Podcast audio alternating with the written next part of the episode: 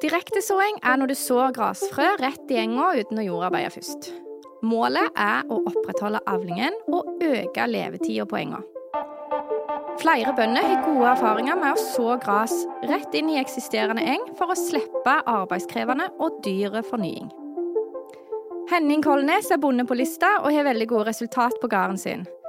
I prosjektet Gråfòr 2020 kom han ut med høyest avling og lavest kostnad på gråfòret av alle deltakerne. Han har drevet med direktesåing i snart ti år. Det viser seg at det, det gir veldig gode resultater. Jeg har snakket med mange som ikke tror på det her, men likevel prøvd litt i, i, det stille uten å si noe. Og De etterpå sagt at jeg trodde det bare var tøys. Men altså, jeg må, jeg må fortelle, fortelle hvordan det er. jeg tok bilder av det. her. Er, det er skikkelig tøft, altså. Det var så ekstremt. Aldri sett sånn jævlig før. Og det, det var bare helt overveldende å se. Direktesåing er omdiskutert. Kan vi både spare penger og arbeid, og samtidig få store avlinger med god kvalitet? I så fall er det en drøm i oppfyllelse for mange.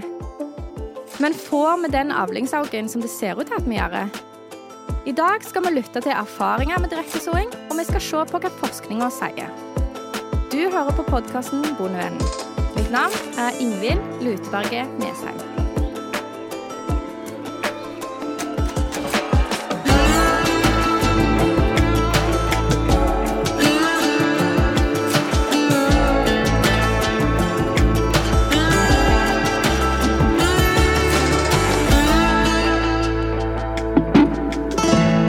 Podkasten Bondevennen blir presentert i samarbeid med Sparebank1 SR-Bank og Tveit Regnskap. Vi bidrar til at bonden lykkes. Felleskjøpet Rogaland Agder selger store mengder frø hvert år til direktesåing. Mange er godt fornøyd med resultatet, mens andre mener at det er for godt til å være sant at vi kan lykkes med å strø såfrø i eksisterende eng. Du hører nå min kollega Magnus Haugland. Han jobber også i NLR, og der har du jo vært med å hoste mange forsøksruter med direktesådd gress. Landbruksrådgivninga har gjennom mange år deltatt i forsøk med direktesåing, men har slitt med at resultatene spriker litt i alle retninger. Men mange ganger er det jo lett å ønske seg en quick fix. Det er jo mye jord som er veldig arbeidsomt å fornye på tradisjonelt vis, og da kan direktesåing være en mulighet for å slippe enga så ofte. Bare hør på Henning Kolnes. Og det med å, å så og gjødsle og, og pløye og harve, og, og det, det, koster veldig med penger. Penger, tid og arbeid. Og noe av jorda er jo veldig lett å steinfri og sånn, og lett å, å, drive med. Men så er det mye av det som er steinrikt og veldig omfattende å legge nytt. Og jeg ser for min del så, så bruker jo jeg dette her fôret til både melkekyr og melkekyr og ammekyr og, og ungdyr. Og jeg er veldig fornøyd med appetitten på det. altså. Det blir veldig smakelig og god gjæring. For det Tore Reigars spesielt gjør veldig godt i ballene. Han har altså flere gode grunner til å direkteså. For det er jo veldig dyrt å pløye. Mens med direktesåing så snakker vi gjerne om en hundrelapp i såfrø per dekar. Det går litt diesel og timer på selve såinga. Men med effektive såmaskiner går det ikke så mange traktortimer at det blir den store kostnaden. Leier du traktor til 1000 kroner timen, og denne rekker 50 dekar per time, så snakker vi fort om 20 kroner per dekar. Mye stein og vanskelig jord øker kostnaden med pløyinga. Det blir gjerne en tusenlapp per dekar eller mer, og dette skal gjøres hvert femte til sjette år. Henning framhever spesielt den gode kvaliteten og smaken på gresset når han er direktesådd, og det er jo fordi at du da får en reigras. Det er jo mye bedre enn ugras, og alt annet som kommer inn når enga begynner å bli gammel. Jeg ser jo òg det at eh, at eh, hvis du skal ha i de mye fôrdyrene, så må du ha reigersinnslag. For de er det mye mer, og de får mer appetitt. Jeg har hatt noen, eh, noen plasser som jeg har hatt uh, dårlig appetitt og dårlig uh, kvalitet på gresset. Så jeg så de reigras nå i to-tre-fire år. Og nå er det de kyrne er det beste, faktisk. Jeg, jeg hadde et, en overtok fra en annen med strandrør og litt forskjellig. Det var så veldig, veldig en bløtt der, altså. Så jeg kjørte reigras i det nå.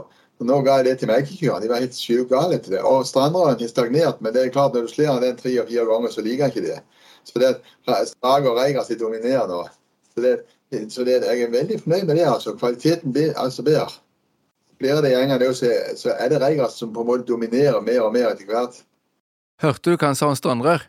Disse gigantiske tuene i gammel eng som er omtrent grove som bambus. De forsvinner når en direkte sår og kjører hyppige slåtter. Ja, intensiv hosting tar jo knekken på strandrør, som egentlig trives best med to seine slåtter. Og så vet vi at intensiv slått òg favoriserer reigraset. Vi ser jo i slåtteforsøk at i blandingseng med hyppig slått vil andelen reigras øke når enga blir eldre, bare ved at en slår hyppigere. Og hvis en da har direktesådd, og så ser vi samtidig en økning i andelen reigras, så er det lett at vi gir direktesåinga æra for å ha økt andelen reigras. Men kanskje så hadde vi fått det uansett fordi vi hostet tidlig? Ja, og når det er flere ting som skjer samtidig, så er det vanskelig å bestemme hva som er årsaken. Og det er viktig å ha dokumentasjon når vi skal anbefale ulike tiltak, som i dette tilfellet direktesåing. Det er gjort mye forsøk med direktesåing i eng, både her til lands og ellers i verden. Vi har snakka med Mats Høglind, som er forsker i NIBIO. Han har jobba mye med både norske og utenlandske forsøk med direktesåing, for å finne ut hva som må til for å lykkes. Ja, for vi vil jo både øke avlingen og endre sammensetningen av enga. Så om det lykkes, avhenger av hva du måler. Spørsmålet er hvordan du vet at du lykkes, eller hvordan du måler at du lykkes. For, for at om lykkes er at du har fått inn nye planter i, i ängen så, så, är det ju många som gör det. är många försök som har visat också att du kan få in det. Men, men om du får bättre avling, det visar ju många försök att du faktiskt inte får. Det är ganska sällan som du får bättre avling. Men om målet är att du ska ha en, en, en viss typ av planter, rajgras då ofta, och, och, få in mer rajgras, så, så är det ju ganska lätt eller det är ganska många som lyckas med det. Eh, men, men så er det så at i forsøken, da vi måler avlingen så er det svært sjelden som at vi ser noen stor effekt. Det var jo dritt. Ja, men når jeg jobba i NLR, så fikk vi jo bra avlingsøkning når vi sådde direkte i eng og maraigras. Når jeg snakka med Mats, så sa han at det var forsøk på Jæren hvor en hadde lykkes med direktesåing, men at dette var svært sjeldent. Ja, når vi kun lykkes på Jæren, så tenker jo jeg at jeg sier en god del om oss jærbuer. ja, men Mats sa jo at i de tilfellene en lykkes, så var det fordi at enga var så tynn og dårlig i utgangspunktet. Fortell det òg noe om jærbuen? Nei. Faktisk er det et forsøksfelt på Jæren hvor enga var så tynn at en til og med lykkes med å så inn timotei, og at en registrerte avlingsøking med timoteien. Og normalt sett så anbefaler vi ikke å så inn timotei, men det skal vi komme tilbake til senere. Ja, det feltet kjenner jeg til. Der hadde det både vært stankelbeinangrep og tørkeproblem på forhånd. Så der var enga så svekka at de små spirene ikke hadde noe å konkurrere mot. For det nytter jo ikke om gresset bare spirer, hvis det andre gresset skygger for det, sånn at det ikke greier å etablere seg. Og det feltet der, det ble sådd på høsten. Mats er tydelig på at det går an å direkte så på høsten, men at det blir noe bedre resultat på våren. Som jeg nevnte, så ser vi jo ofte at det frø og spirer fint, men at mye blir utkonkurrert før det får etablert seg. Derfor ønsker mange å svekke enga før såing. Det har gjort mye forsøk, og kanskje spesielt i utlandet, med forskjellige behandlinger. I USA har man vel konkludert med at om man skal lykkes med issåing, så må man eh, svekke den eksisterende engen. Og der prøver de jo med, med sprøyting med herbicider som glyfosat. Uh, og, og, hard beiting eh, og slått før etter, eller pussing, da. Uh, og, så, så der du, kan du lykkes med, med etableringen, men, men, men, det må jo da veies opp mot det avlingstapet da, som du får. Hvis vi får et stort avlingstap med å svekke enga for å greie å så inn reigras, så går jo vinninga opp i spinninga. Men beiting er kanskje ikke så dumt. Så i enga, holde nede med beiting til det nye gresset er etablert. Det blir gjort, men vi har ikke dokumentasjon på hvor godt det funker. Redusert gjødsling etter såing er også blitt nevnt for å gjøre etableringa lettere, men det er kanskje ikke så lurt? Altså, Forskning viser jo at det er veldig variabelt om direkte såing gir avlingsøkning. Det har vi jo fått konstatert nå. Men det er jo veldig godt dokumentert at hvis vi gjødsler svakt, så får vi en veldig reduksjon i avling. Så å redusere gjødslinga for å få inn nytt røygras, det har fortsatt begrensa effekt. Det eneste som er sikkert, er at da blir avlingen lavere, så redusert gjødsling er vi skeptiske til. En ting som stopper veksten i gresset, er jo sprøyting mot ugras. Noen har jo prøvd å sprøyte med lågdosemiddel i august, hauste avlingen ei god uke etter, for så å direkte så rett i stubben.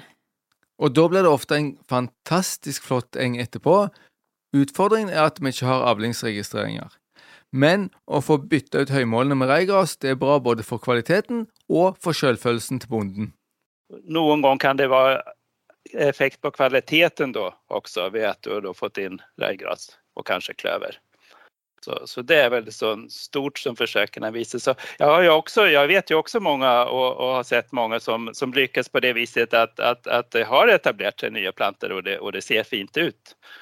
Och, och, det kanske ofta kan vara ett mål också för tillfredsställande att man, att man har en fin äng med, med mindre ugras också då. Det har jo en verdi i seg sjøl å ha ei fin eng med lite ugras. Ja, det er jo greit å slippe å skjemmes av enga si. Det er ikke så kjekt når kollegaer kommer til gards og kjører forbi ei eng full av ugras. Det er litt flaut. Ja, det er flaut, men jeg vil jo si det er menneskelig, da. Ja, det er klart. Det finnes òg viktigere ting i livet enn hvor mange høymåler som står i enga, da.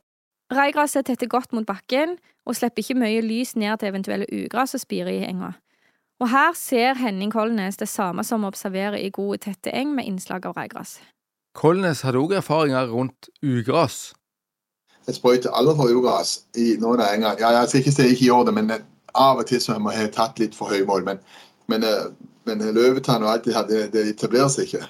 For det blir rett og slett for tett for det. Og gressvoren er helt tett, du kan ikke se åpning i den.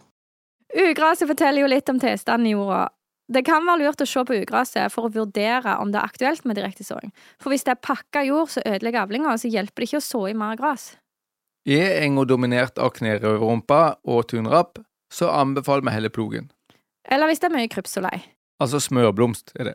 Så kan det tyde på at eh, det heller må dreneres. Når vi snakker med sånne som lykkes, for eksempel Henning Kolnes, så virker det som de har mye fokus på å ha jorda i orden. Jeg er jo kalka veldig godt, det er jo det, da. Så jeg har jo kalka to tommer mål der etter hvert i løpet av tre år. Og det er klart at kalkinga gjør underverk.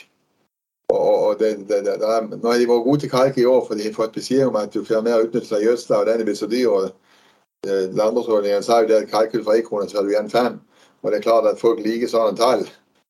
Så men det er kalktilstand tror jeg er veldig viktig for oss for etablering av dette. her. Når Henning snakker om mye kalk, så mener han mye kalk. Dette er egentlig mer enn hva norske anbefalinger sier. Vi anbefaler sjelden mer enn 350 kilo per dekar per år i overflatekalking. Men det at han kalker så hardt, det forteller meg uansett at han er framoverlent og vil ha det skikkelig. Og han er vel så opptatt av det som valg av maskiner til å så med. Jeg har jo kjørt såing med, med både Begynte med einbøkken for eh, åtte-ni år siden og gikk over til, til eh, vanlig skålemaskin. Mens nå i de siste to årene har jeg kjørt med Rapid direktesåmaskin. Eh, men jeg kan ikke Jeg kan egentlig ikke si noen forskjell hva som slår best til, altså. For eh, det har faktisk eh, vist seg at einbøken fungerer veldig godt, den òg, altså. Og det er jo veldig enkelt og billig å kjøre med den, for det er jo effektivt. Du kjører jo seks meter breit og 20 km, så det, du røkker jo 50 mål i timen med den. Og hvis du skal legge det inn, så legger du inn veldig effektiv såing. Han framhever einbøkken, og det er jo litt interessant. Det er en veldig enkel, men brei såmaskin. Den er ikke så dyr, men han kan, sånn som Henning sier, nå over store arealer på korte tid. Med 50 dekar per time, for regna raskt i hodet, si 1000 kroner timen, om du leier entreprenør, så koster det 20 kroner per dekar. Det er ikke mye, det går til sammenligning fort en hundrelapp i frø per dekar. Nibio og mange andre har gjort forsøk med bruk av ulike såmaskiner. Her har jeg lyst til å høre hva Mats har funnet ut. De, de fleste forsøk som vi har hatt, og, og forsøk også i utlandet, viser at det er ganske liten forskjell i, i, mellom maskintyper. Det er vel stort sett om det er tørre forhold, som vi jo sjelden har her, som, som, det kan være en fordel at du har sånn maskin som plasserer det ned i jorden, så at du får en god jordkontakt. Ja, det var et klart og greit svar, egentlig. Skal du leie entreprenør, så bruk en med såmaskin så rekker over mye per time.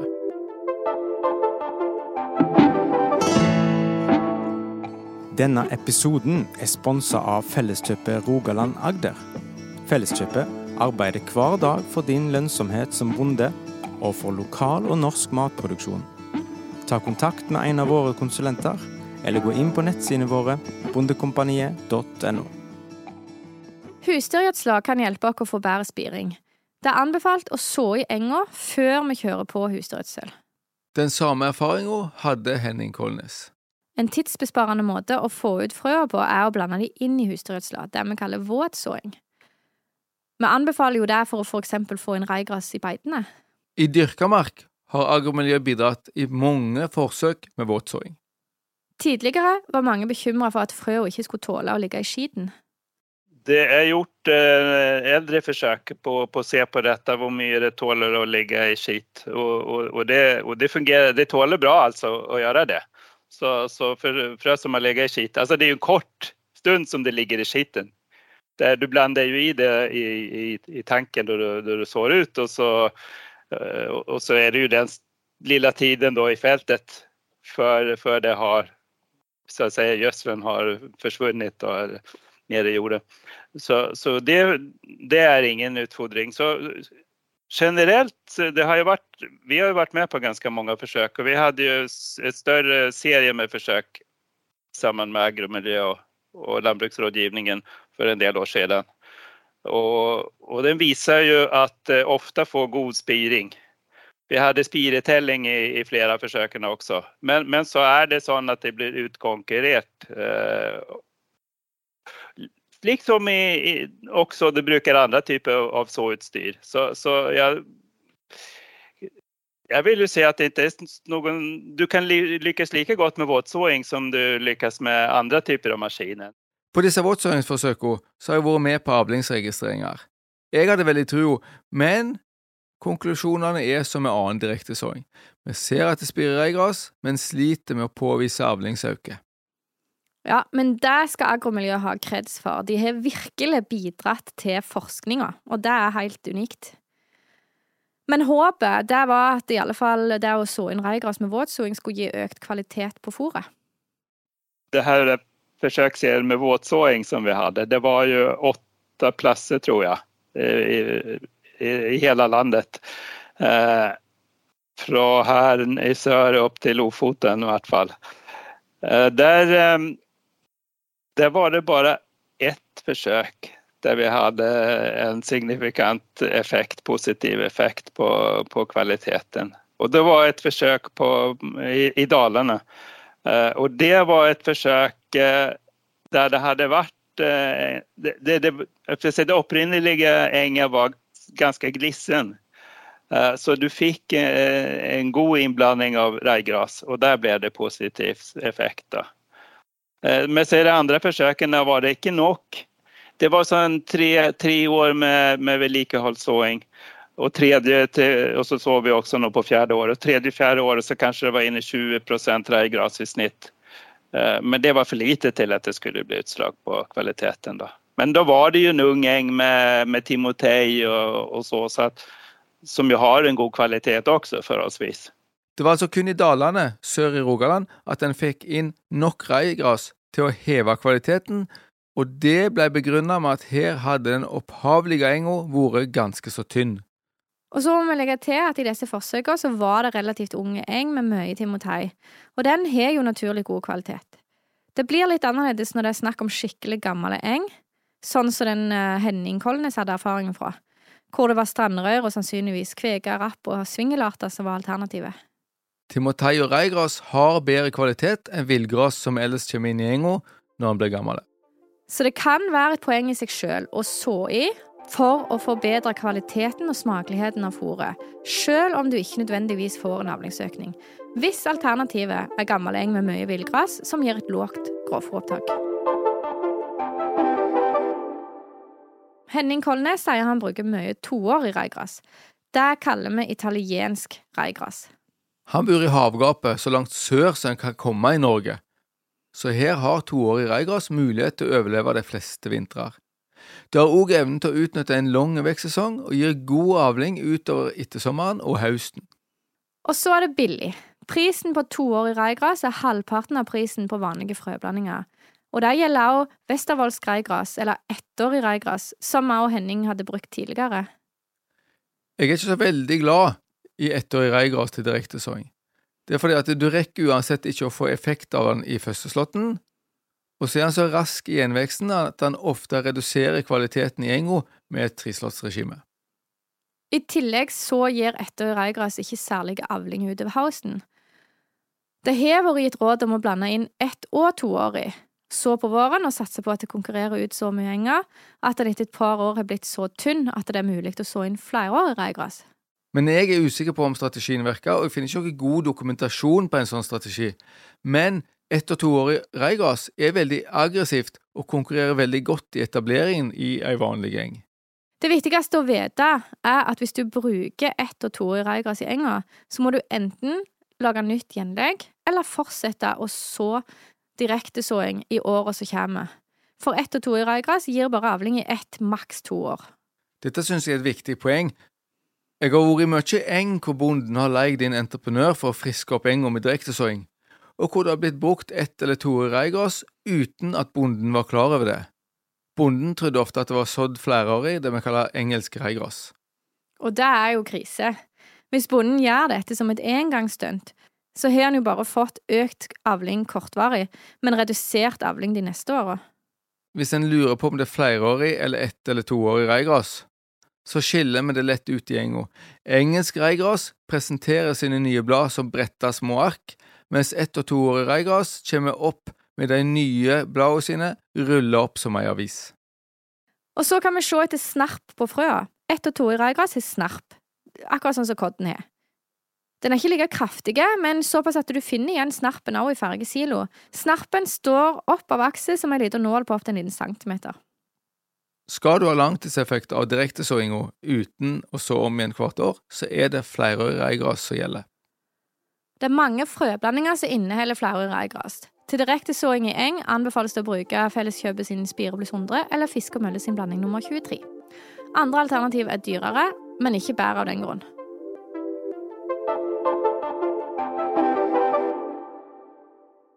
Vi har nå kun snakket om reigras, siden det er det eneste graslaget som fungerer til å så inn i stående.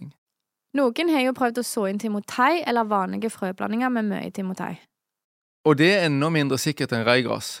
Det ser vi igjen og igjen når det gjøres forsøk. Det skal være ekstremt tynn og dårlig eng om vi skal klare å etablere andre grasarter enn reigras. Og det skyldes jo at de andre grasartene ikke etablerer seg like raskt som reigras, og dermed lettere vil tape konkurransen med den eksisterende enga. Men det fins ett alternativ til reigras. Rødkløver. Rødkløver blir brukt til direkte såing i enkelte land. Nibio har testa det ut, og eh, din kollega i NLA Rogaland, Bjørg Karin Dysjaland, hun var jo med på de forsøkene og skrev masteroppgaven sin om direkte såing av rødkløver. Og det var jo basert på forsøk hun gjorde i lag med Nibio. Det er vanskelig å etablere eh, kløver i eksisterende eng. På andre, andre sida kan du si at det, det er nok en grunn til at det er reigras vi bruker når vi direkte sår. Vi prøvde jo å både så rein rødkløver i ei stående reigraseng og etter slått.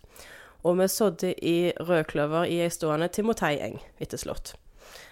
Og eh, så hadde vi òg litt variasjon i eh, tettheten av eh, enger da, på dette eh, såtidspunktet. Eh, og det var ganske mye åpne felt når vi sådde. Eh, spirte godt overalt. Eh, men det som viser seg, er at eh, eh, reigraset har en helt utrolig evne til å eh, tette igjen. Selv om plantene ser stusslige ut, så, så kommer de opp. Og så ser det ikke ut til de vokser noe mer, men blir, de legger bladene lag på lag. Det blir så utrolig tett. Det kommer ikke lys ned til bakken. Det var samme hva utgangspunktet vi hadde i reigrasenga, så kom det ikke opp eh, noe betydelig av rødkløver. Det var ingenting som etablerte seg permanent der. Eh, men i Timoteienga derimot, der, der fikk vi nå noe, da. Så der eh, går det an. Men eh, den måtte nå være nokså tynn, da. Kanskje ned på sånn et 25-30-40% dekning på, på så tidspunktet, da. Altså ganske låg dekning, da. for at eh, den kløveren skulle ha nok plass da, når alt gresset vokser opp, og at det likevel skulle komme nok lys ned til bakken. Forsøkene viser at der det står reigras fra før, er det vanskelig å etablere noe nytt. Reigras konkurrerer ikke bare ut ugras, men òg planter som vi ønsker å så inn i enga. Det er altså enklere i rein timoteigjeng. Den har åpnere vekst og slipper inn mer lys ned til små spirer i bakken. Eh, men så finnes det noen spesialtilfeller, da, der eh, isåing av rødkløver kan være eh, gunstig eh, å ha sin rett likevel. Altså, Si fjellandbruk der reigras ikke er aktuelt. I økologisk landbruk der en er enda mer avhengig av kløveren enn i konvensjonelt. Kanskje i ugjødsla randsoner, altså sånne miljøtiltak mot bekker og vassdrag. Der vil det bli åpnere, og du trenger mer eh, nitrogen. Å bruke penger på å så rødkløver i alt eng er tydeligvis bortkasta, men i enkelte spesielle tilfeller kan det altså være aktuelt. Det er jo greit å vite. Er det noe mer vi skal diskutere før vi går på oppsummering, eller? Det er én ting som har slått meg når jeg jobber med å samle stoff til denne podkasten. Mye spriker i alle retninger, men én ting går igjen når jeg snakker med både forskere, bønder og Henny Kolnes, som har intervjua her. I 2019, året etter det forferdelige tørkeåret 2018, så fikk veldig mange gode resultater med direktesåing overalt.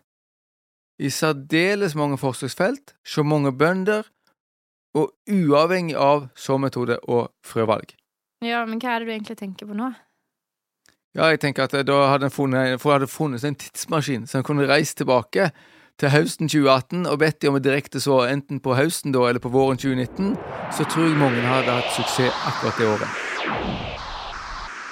Ja, men du, nå er du litt ute å kjøre her, for det at denne podkasten kan jo ikke handle om tidsmaskiner eller andre ønskeideer. Så jeg tror kanskje vi skal gå inn for landing, jeg. Ja, oppsummer du, tror jeg. Ok. Av grasartene er det kun reigras som fungerer til å så direkte i enga. Rødkløver kan fungere i svakt gjødsla og litt tynn timotei-dominert eng, f.eks. i ugjødsla randsone. Valg av såmaskin betyr mindre, så leier du entreprenør, bruk en med en såmaskin som rekker over mye areal per time. Mange lykkes med å få inn reigras i enga, og kan se det med det blotte øyet. Og da reduserer du ugrasmengden, og i noen tilfeller så forbedrer du fôrkvaliteten. I forsøk så er det sjelden at innsåing av reigras gir avlingsøkning. Men av erfaring ser vi at mange som sår inn regelmessig, har greie avlinger. I eng som er tynn eller skada, f.eks. ved tråkkeskade, vinterutgang eller stankelbein, er det sjanse for å få god etablering med direkte såing, og da kan vi forvente avlingsøkning. Hvis enga er ødelagt av jordpakking, dårlig drenering eller er altfor sur, så vil direktesåing være bortkasta penger. Du har på podkasten Bondevennen. Mitt navn er Ingvild Luteberg Nesheim. Til daglig er jeg rektor ved Vinterlandbruksskolen i Ryfylke. Mitt navn er Magnus Haugland. Jeg er lærer ved Vinterlandbruksskolen og rådgiver i Norsk landbruksrådgivning Rogaland. Har du spørsmål, tilbakemeldinger, kommentarer til podkasten, så ta gjerne kontakt på e-post podkast at bondevennen.no. Episoden er spilt inn i ABC Studio. Lyd av Stig Morten Sørheim. Takk for i dag! Ha det bra!